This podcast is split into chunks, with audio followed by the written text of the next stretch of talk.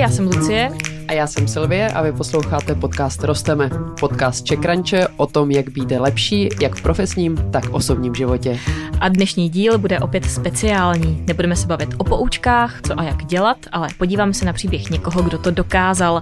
Člověka, který se z imigrantské čtvrti na okraji švédského Malmé dostal do nebe a konkrétně do toho fotbalového. Řeč totiž bude o Zlatanu Ibrahimovičovi, jednomu z nejlepších fotbalistů posledních let, který přesně před měsícem, tedy přesně před měsícem skoro, eh, konkrétně 4. června ukončil kariéru. A pokud se ve fotbale nevyznáte, vůbec to nevadí. Jeho příběh je totiž natolik fascinující a zajímavý, že jsme ho museli do našeho podcastu zařadit, i když ani my dvě zrovna nezbíráme kartičky s fotbalisty. Ne, to nezbíráme. Nicméně Zlatan Ibrahimovič je, jak už jsem říkala, považován za jednoho z nejlepších hráčů na světě, nejuniverzálnějších a také jedním z nejlépe střílejících útočníků fotbalové historie. Během své kariéry vyhrál 11 titulů ve čtyřech různých evropských ligách, 18 domácích pohárů, v pěti různých evropských soutěžích reprezentoval Švédsko a vyhrál snad bambilion osobních ocenění. Vystřídal kluby v Malmé, nizozemském Ajaxu, italském Juventusu, hrál za AC Milan, Barcelonu, francouzské Paris Saint-Germain. Hrál za Manchester United, pak odešel do Spojených států, do klubu Los Angeles Galaxy a ke konci kariéry se vrátil do italského Milána. Svou životní cestu popisuje hned ve dvou knihách. První se jmenuje I am Zlatan, kde popisuje své mládí a kariéru až do chvíle, než se přesunul do Paris Saint-Germain. Druhá se jmenuje Adrenalin a v té se fotbalista ohlíží za téměř celou kariérou a přemýšlí, co bude dělat dál, až nebude dostávat ty potřebné dávky adrenalinu, kterému fotbal přináší. No a my jsme se dnes rozhodli, že se budeme bavit o té první, a protože je podle mého muže, který je četl obě, zajímavější a taky je to proto, protože ji četl i náš kolega Luboš Kreč, kterého teď vítám ve studiu. Ahoj. Čau. Uh, Luboši, uh, proč se ti ta kniha tedy líbila? Co je na Zlatanovi Ibrahimovičovi tak fascinující z tvého pohledu? Tak předně um, já vlastně moc nesleduju fotbal, takže, tak to jsme tři. Uh, tak skvělý. Takže jsme tady v ideální sestavě povídat si o knížce fotbalisty. Ale tak uh, asi mě vlastně v první řadě vždycky s nějakým způsobem jako poutal um, Zlatan jako osobnost, takový jako vlastně showman a egomaniak a a taky bouřlivák, ne? A bouřlivák, který vlastně tu, to svoje jméno a tu svoji image jako povýšil ještě nad, skoro až nad tu fotbalovou kariéru samotnou.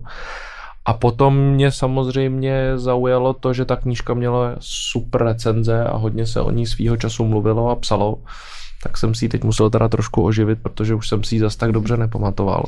Ona vyšla někdy v roce 2013, jestli se nepletu, ať to no. doplníme, takže se mhm. bavíme vlastně už... o skoro 10 let starém titulu. Ten druhý hmm. je o něco novější, ten je tak 2-3 roky starý. Jo, jo, jo, eh, ten jsem, eh, do, nahlédla jsem do něho, jak jsem říkala, máme obě dvě knihy doma a tam opravdu vlastně popisuje spíš to, jak se vrátil do toho Milána a jak ho děsí ten uh, závěr kariéry, který ho jako nevyhnutelně čeká, protože už mu tělo dává jako znamení, že už tohle tempo, které má, nevydrží. Mm-hmm. Tak co je teda uh, za vás ta hlavní message, eh, tedy z knihy I am Zlatan, z té první? Co jste si z toho odnesli? No, mě teda, zaprvé musím říct, eh, že je super čtivá. A ten ghostwriter, který to za něj psal, tak eh, to, eh, to myslím napsal moc hezky. A... Třeba říct, že to někde vypadá, že si to psal sám, protože je to takovou, občas je to takovou jako humpoláckou angličtinou psaný. Přesně. Nebo také, já to čet anglicky, ona, já ještě, taky, ona taky, je, taky. je česká verze, tak tu, ne, tu nevím. Tu Ale nevím. myslím, že tu knihu právě toho uh, Ghostwritera, teď jsem zapomněla jeho jméno, i když jsme si ho se Silvou před chvílí jo. říkali, je to nějaký švédský spisovatel, tak ho za to hrozně chválí. Obecně mm, všude, mm. kde jsem četla, že to právě jako to, to toho nepromítl vůbec sebe a naopak jako zachytil toho Zlatana tak, jak mluví. Opravdu to vypadá, jak by to prostě celý popisoval, jo, všechno, je tam, je, je, to, je to taková řeč prostě jako jednoduchýho chlapa, mm-hmm. který jako... I do know. Jo, to jsem si přesně říkal, I do know. A všechno je mental. To bylo úplně mental, prostě mental. to bylo jako šílený, jako. Takže je Ale to... myslím, že takhle nějak prostě ten Zlatan, nebo asi nejenom on, to zase jako si myslím, že takhle prostě fungují a taková ta strohost mm. toho vyjádření, tak mm. je tam jako podle mě do určitý míry charakterizuje mm. i ten jako mentální a jako vlastně fyzický svět těch fotbalistů. Že? No. no a tak se teda vraťme k jo, nějakým tomu sdílení té knihy. Eh, teď jsme ji teda jako doporučili, že je super čtivá, ale proč ji vlastně máme v Rosteme, ať je to našim posluchačům jasné. No za mě je to uh, fakt opravdu moc hezký, hezky ukázáno, i jak uh, prostě z kluka, z geta na, na kraji prostě uh, švédského Malmé, imigranta, prostě opravdu se dokopal vlastně sám jenom neměl žádnou podporu. On tam říká, jak, v jakém prostředí vyrůstal, neměl podporu de facto eh, rodičů, kteří byli buď v práci, nebo prostě jako měli nějaké svý problémy a musel jít proti všem. Prostě vždycky, vždycky to byl on, který musel se sám v sobě najít tu sílu bojovat proti eh, tomu, že například dělali petice, aby nehrál za nějaký klub, protože se tam nehodil, protože byl opravdu, a to on tam teda přiznává, že, že je hodně jako uh, emotivní, je hodně agresivní vlastně, ale to všechno jako trošičku uh, vyvírá i z toho vlastně, z jakého je prostředí, jo. Mm. No a jak napro, na, navzdory tomu všemu, prostě jak se dostal tam, kde se dostal, i navzdory tomu, že prostě ho někteří lidi podrazili potom v tom fotbale, to zákulisí fotbalu je tam krásně jako ukázáno, i když, jak říkám, prostě moc se o fotbal nezajímám, ale opravdu mě to velmi, bylo, je to napsáno tak čtivě a tak poutavě a vypráví to tak autenticky, že se to fakt čte jedním dechem a, a opravdu to mě trošku i dalo přemýšlet o tom, že vlastně jo, jako to, že teď v, jako v naší době těm našim dětem prostě dopřáváme de facto úplně všechno a, a strašně za málo věcí musí bojovat, takže je vlastně trošičku jako kdyby znevýhodňujeme potom v tom, v tom dalším životě, že na, na tom jeho případě, příkladě je strašně krásně ukázáno, jak prostě musel být čtyřikrát lepší než ostatní, aby ho aspoň brali na té úrovni. Teda to je za mě jako moc, moc hezký na té knize. Hmm. Já souhlasím. Eh, zároveň jsem si samozřejmě v mnoha těch momentech eh, říkal, že by bylo zajímavý si vyslechnout příběh z té druhé strany mm. těch lidí, o kterých on píše, že jsou jako úplný kreténi a eh, že ho zradili a že vůbec ničemu nerozumí, což v té knížce mimo jiné říká o jako vlastně už dneska jako legendách toho fotbalového světa, jako je Pep Guardiola a, a podobně. Ale já bych ještě k tomu dodal, že vlastně mně se na tom hrozně líbí taková ta základní message jako never give up, jo? že hmm. on opravdu jako ukazuje, že člověk si musí jít jako vlastně až jako brutálně za, za, za ne za svým, ale za nějakou tou svojí vizí, tou představou a to, jak on si jako vlastně nikdy o sobě nezapochyboval, jako on prošel velkýma jako pádama, nebo že mu nevěřili v tom týmu a musel se jako drát nahoru, ale je tam vidět, jak on jako nikdy nezapochyboval sám o sobě a o tom, že na to má a že je dobrý. A myslím si, že to je jako tak jako bych řekl jako obecně přenositelný, že je hrozně důležitý si jako věřit a, a mít nějakou jako důvěru v sám v sebe že to potom jde s nás jako dosahování nějakých jako dobrých výsledků. Tak to mě z toho tak jako upoutalo nejvíc. A pak samozřejmě to, že prostě je to jako sráč. se omlouvám za slovník, ale jako, jako zvládnout ho muselo být jako extrémně těžký. Mm, a on se tak. tím netajil. To zase na druhou stranu on to jako nějak nezapíral nikdy. Na to jsem se vás přesně chtěla zeptat, jak to na vás působilo. Jenom tady teda řeknu, že ten ghostwriter, který napsal tu knihu, je David co už jsme to tady odhalili mm. na uh, přebalu knihy. Ten dopisoval uh. i Millennium. aha, aha. Mm. Takže je to opravdu velice talentovaný, talentovaný švédský spisovatel. Každopádně, jak jste říkali, že je Zlatan Ibrahimovič sráč, já teda opravdu jako nesleduju fotbal, ale přesně tohle ten dojem jsem z té knihy, z toho, co jsem četla, získala. Mě, ano, je napsaná hezky, dobře se to čte, ale vlastně mě to jako iritovalo. A tohle je osobnost, kterou já prostě nemám ráda. Na mě působí jako někdo, kdo je hrozně namachrovaný, umí, uvědomuje si vlastně to, myslím si, že tam jako teda nějaká míra sebereflexe je, že prostě říká, on tam říká, že ho pohání nenávist a touha hmm. pomstit a že jako nezapomíná lidem, když mu jako něco udělá, že to fakt jako pamatuje a že tohle vlastně všechno to, s čím pracuje a ty emoce, že jako on to tam prostě jako musí mít, že díky tomu je skvělej.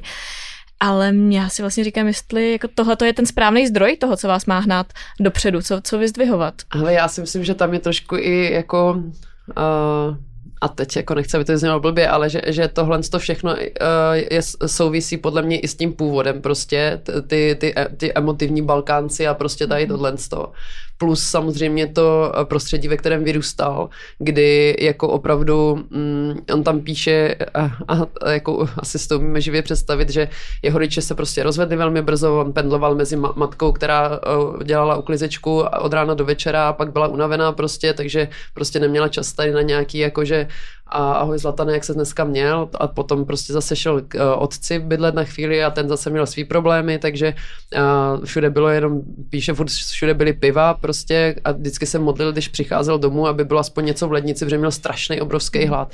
Ale že... zároveň o obou těch rodičích píše velice hezky, to bych zase, jo. ono takhle jako to je, že Protože, popisuje, že to bylo takhle, těžké, ale vždycky říká, říct, že oba dva měl, prostě toho měli hodně. A... neměl těžký dětství v tom smyslu, že by ho, že by ho někdo mlátil, nebo, tak, nebo takhle. No. To, to, on, ty mm. myslím, že ty rodiče jako vlastně byli milující rodiče, on s nima má jako vlastně do dneška, já teď popravdě, že jo, nevím, jestli jsou oba ještě naživu, ale jako měl s nimi jako dlouhodobě mm. dobrý vztah, ale spíš prostě pocházel jako z chudých poměrů a nebyla to taková ta No vlastně ty rodiče, to jsme, to jsme tady neřekli, ale jeho otec byl bosenský muslim jo. a maminka byla katolická chorvatka, kteří chorvatka, oba dva no. utekli. A ještě jsem pochopila, že to manželství možná nebylo úplně jako no. dobrovolné, nebo prostě, že tam no. hrálo nějakou roli to, aby jeden z nich získal pobyt, mm, ale mm, utekl vlastně mm. před válkou v Jugoslávii do Švédska. Tak tam Balkánci hodně takže... chodili do Švédska, tam byla silná no, komunita no, tak, po válce. Takže... Tak, no. no. takže pro, prostě to a tam bylo hezky napsáno, že třeba však se zeptejte Heleny, což je jeho žena, se zeptejte se Heleny, jak eh, prostě já... Myslím, já... že nejsou si zdaní, nebo jsou? Já, to, to nevím, to, to nevím. Já to... Nevím, nevím. Mm. Tak, ale mají spolu dvě děti, tak... Eh, mají, ale já myslím, že jsem někde četla, že ona je taková jako i hodně jako úspěšná podnikatelka, která se zakládá no. na tom, že není něčí jako manželka. Aha. A ona je o dost ale... starší než on. No, no je takový jeho, on to potom píše v tom adrenalinu, no. Mm. A, a, no a říká, tak se zeptejte jí, že prostě od té doby, jako my doma, jsem, že jsem strašně prostě obsesivní v tom, aby bylo v lednice pořád jídlo, jako jo, že to je takový, v té knížce. Tý Když byl první dny v Ajaxu, jak no. měl prázdnou ledničku a neměl prachy, protože mu nedošlo, že dostane výplatu až příští měsíc, protože tam byl asi měl 19 nebo 18, nevím. A jak byl nešťastný z toho, že má prázdnou ledničku. Ale ještě k té jeho image. No, Myslím si, že s, s, s ním je to asi trošku podobný jako třeba s Cristianem Ronaldem, no, tak jako buď ho lidi mají rádi, anebo ho lidi nemají rádi. Mm. A ta vyhrocená image je součást jako i nějakého marketingu, který je pro ty výrazný fotbalový stars jako velmi důležitý. Oni bojují o pozornost, aby dostali kontrakty od Nike nebo od někoho. A e, je to jakoby cesta, kterou si on zvolil a asi i za cenu z té knížky vyplývá, že zase jako úplně hloupej asi nebude, tak si ji vybral i za cenu toho, že samozřejmě pár lidí bude po cestě iritovat a přesně jak říká Silva, to je to jako horkokrevný jugoslávec, jo. To, hmm. Myslím, že on jako nemusí moc jako vlastně se stylizovat do role prdlouše, protože on tím hmm. prdloušem jako fakticky je a asi eh, bych si určitě, jakkoliv bych tu knížku komukoliv, nebo ledas komu doporučil, si přečte, že tam nějaké jako poučení z ní určitě plyne, tak bych rozhodně všem doporučil, ať jako u toho kriticky myslejte, jo? Mm. protože zdaleka ne všechno mm. se mhm. tam jako dá mm, jako transponovat do běžného života, jo? tak to prostě je to nějaký takový jako polobůh, no, tak přesně. musíme si to Ale hlavně, co se mi líbí, eh, přesně jak jsi říkal, to, že, že prostě ty musíš být fakt jako a když chceš být nejlepší, tak musíš fakt na sobě pracovat. On tam jako hodně často říká, jak, jak hodně na sobě pracuje a musím říct, že jako trochu jsem, nechci říct, že vzala, eh, na mám větší pochopení i třeba pro některé ty fotbalisty, protože přesně ten narrativ, že fotbalisti vy, vy, vydělávají bambiliony, přitom prostě jako jsou to de facto jenom, je to entertainment, ale uh, on tam píše a jako nevím, jestli to je úplně jenom póza, ale myslím si, že uh, hlavně v, to, v těch začátcích to asi pro něho bylo těžký, uh, ten tlak, jaký prostě na člověka je, když prostě ho koupí klub za velký peníze a teďka potřebuje, aby něco předved ten člověk, jo, a, a prostě jsou tam ti diváci, je tam, je, je, je tam strašný prostě tlak na toho člověka, aby opravdu ukázal to nejlepší ze sebe, aby dával ty góly, aby, aby prostě mm-hmm. pomohl tomu týmu nahoru. Takže to jako je jedna věc a druhá věc je, a to si myslím, že i s tou image eh, jeho sou, eh, souvisí, a že můžete být prostě miláčkem publika a během dvou zápasů eh, na vás můžou prostě začít házet vejce a prostě psát výhružný dopisy nebo prostě cokoliv, protože vás nenávidí, jako jo. Ten love hate prostě tam je a to víme i z českých hospod, kdy prostě se daří těm klukům, tak jsou všichni Češi a fotbalisti a když prostě dvakrát se nepodaří, tak prostě nejhorší tým ever. Mhm. A když ten člověk je ten hlavní na tom hřišti, tak se to většinou stáhne na něj. No. Vlastně u něj je to vidět silný. asi jako ještě o něco líp, protože tam je to jako nasvícený mnohem intenzivnější, protože on sám o sobě jako osobnost, která jako štěpí ty pohledy mm. a jako ty názory na něj jsou vyhraněnější, takže i ta popularita u fanoušků je tím pádem jako vyhraněnější a přelétavější a je to tam jako dobře vidět přesně, jak on někam přišel a skandovali, když byl uh, fanoušci ho vyhlásili uh, hráčem zápasu v zápase, kdy on celý zápas seděl na lavičce, on vůbec nenastoupil a oni ho vyhlásili hráčem zápasu, protože tam byl čerstvě, milovali ho, všude byly mm, titulky, mm, že to je ten příští fotbalový bůh. No ale samozřejmě během pár měsíců to bylo úplně 180 stupňů, jinak eh, vlastně ho nenáviděli a proroko, bučeli na něj, prorokovali mu, že ho mm. budou se vyměnit a podobně. Takže já jsem jako moc knížek o fotbalu a od fot, o fotbalu jsem jich obecně moc nepřečet a tady to je první knížka o fotbalistovi, kterou jsem čet a vlastně ten pohled do toho jako zákulisí a do toho, do té biznisové mašinérie, která je zatím, tak mě teda přišel taky jako vlastně hrozně zajímavý, což z pohledu nějaký osobního růstu není klíčový, ale, ale jako ten pohled ten insight do toho oboru byl výborný. Ale obecně prostě je tam uh, přesně to, že a myslím si, že to je není jenom u fotbalu, že když chcete být prostě dobrý a chcete být nejlepší, tak musíte fakt makat prostě víc hmm. než všichni ostatní. Dobře, tak už tady mluvíme docela dlouho. Je ještě něco v té knize, co byste chtěli vypíchnout? Hmm. Kromě toho, co jsem zmiňoval, že tam jako mm-hmm. je taková ta, ta důležitá ta rezilience a ta jako schopnost jako bojovat, táhnout dál, jak říkala Silva, samozřejmě prostě makat víc než ostatní, což říká Jarda Jager, že jo? To je, tak, myslím, že naprosto univerzálně je, platná rada, ano, kterou 10 můžete dát úplně, 10 úplně všude. hodin tréninku. Tak uh, mě tam ještě, byť uh, jsem zdůraznil, že nejsem fanoušek fotbalu, tak mě tam jako vlastně se docela líbil uh, určitý jako pohled do fungování uh, Barcelony, mm. protože to vlastně ta knížka vyšla v roce 2013 a on tam už tehdy naznačoval vlastně věci, které se zhruba s odstupem dalších, já nevím, pěti, šesti, sedmi let jako postupně naplnili a stalo se to, že, jo, že Messi musel odejít, ale že ten tým vlastně se dostal do určitý krize, protože byl od začátku stavěný jenom kolem Messiho. Messi to tam všechno řídil, určoval a on to tam vlastně už jako naznačuje mm-hmm. z toho svého působení, kdy on byl v Barceloně nevím, do roku 2011 nebo do, do kdy on tam byl, tak už to tam vlastně jako naznačuje, že tam hm. všechno točí Oni ho tehdy Messiho. koupili snad za největší díl, ne, jo, jestli přestoupil se úplně něco, ale stejně vlastně jako byl upozadněný. Korun, ale, a, jako, ale stejně ho jako de facto to... posadili no, na lavičku. Ale on no. tam přesně popisuje to, že tam to všechno řídil mm. Messi a Xavi a Iniesta, taková ta stará parta a že vlastně vedle nich nikdo nemohl jako vyrůst a že se všechno přizpůsobovalo vlastně tomu Messimu, což je něco, co se o mnoho let později jako mhm. naplno odhalilo, když se ta Barcelona dostala do krize, o čemž dobře psal třeba Ondra Houska, že jo, samozřejmě taky. Což je tady ale, už zmíněný manžel uh, Silvin.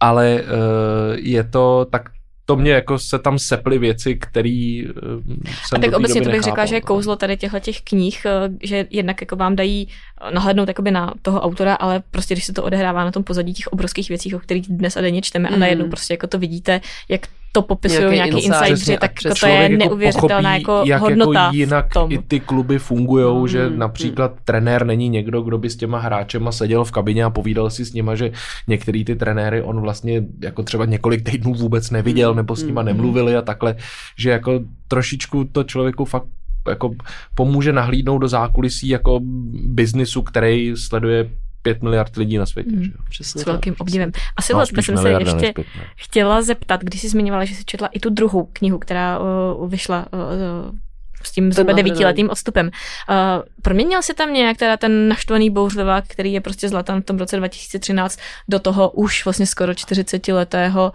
jo. chlapíka, který vydal no, to já, druhé ohlížení já se. Myslím, že, on to má i ještě nečetla celou, teda, že jsem ji začala, mm-hmm. protože mě tahle ta první vlastně bavila, tak mě zajímalo, jak to mm-hmm. pokračuje dál. A už hnedka na vlastně na tom uh, začátku jde vidět, že je daleko pokornější, mm-hmm. že uh, vlastně už je opravdu, má ten odstup, je, už není takový bouřlivák, už prostě uh, přemýšlí nad tím a že teď uh, vlastně i když potom přišel zpátky do toho Milána, tak eh, že vlastně tam byl on ten tahon, který tam jako eh, chtěl pomoct těm mladým, aby ze sebe něco dostali, aby začali prostě více, eh, více pracovat a aby prostě dokázali udělat dobrý tým, že už to ne, že už není, už nejsem tady já, Zlatan, který dává góly, ale jsem to tady stár. já, který jako nahrává na góly prostě těm mladším, jo. Takže uvidíme, on uh, tam píše na začátku, že to je vždycky jako trochu fotbalu a trochu nějakého jejího zamyšlení. Uh, potom, jak on to vidí prostě takhle zase zpátky uh, v retrospektivě, ale uh, co, je, co je zajímavé, tak je opravdu to, jak uh, už jenom hnedka v těch prvních stránkách tam člověk úplně z toho cítí, jak se fakt strašně bojí toho, až skončí Bez tu kariéru. Až, no až skončí. A on říká, já nevím, co budu dělat. Teďka mám prostě, jdu tamhle v 10 trénink, tohle a, a co, co budu dělat potom? Zavezu děti do školy, dobrý. Tak pak půjdu na, pak si půjdu do, do, do fitka, no tak tam dám nějaký, bum, nějaký hry. Bum, ale co pak? Přesně, jo. A co pak? A co pak budu dělat, jo? Takže... Uh, ale myslím, že, myslím, že na to přijde, ale každopádně s tím jeho egem a takhle se určitě nic nezměnilo, protože po téhle knížce, až když v závěru kariéry odešel do Los Angeles, mm. tak když tam nastupoval do Los Angeles, tak si v Los Angeles Times, což jsou vlastně největší noviny v LA, tak si zaplatil celostránkový inzerát, který byl úplně prázdný a jenom nahoře bylo napsáno LA nemáte zač.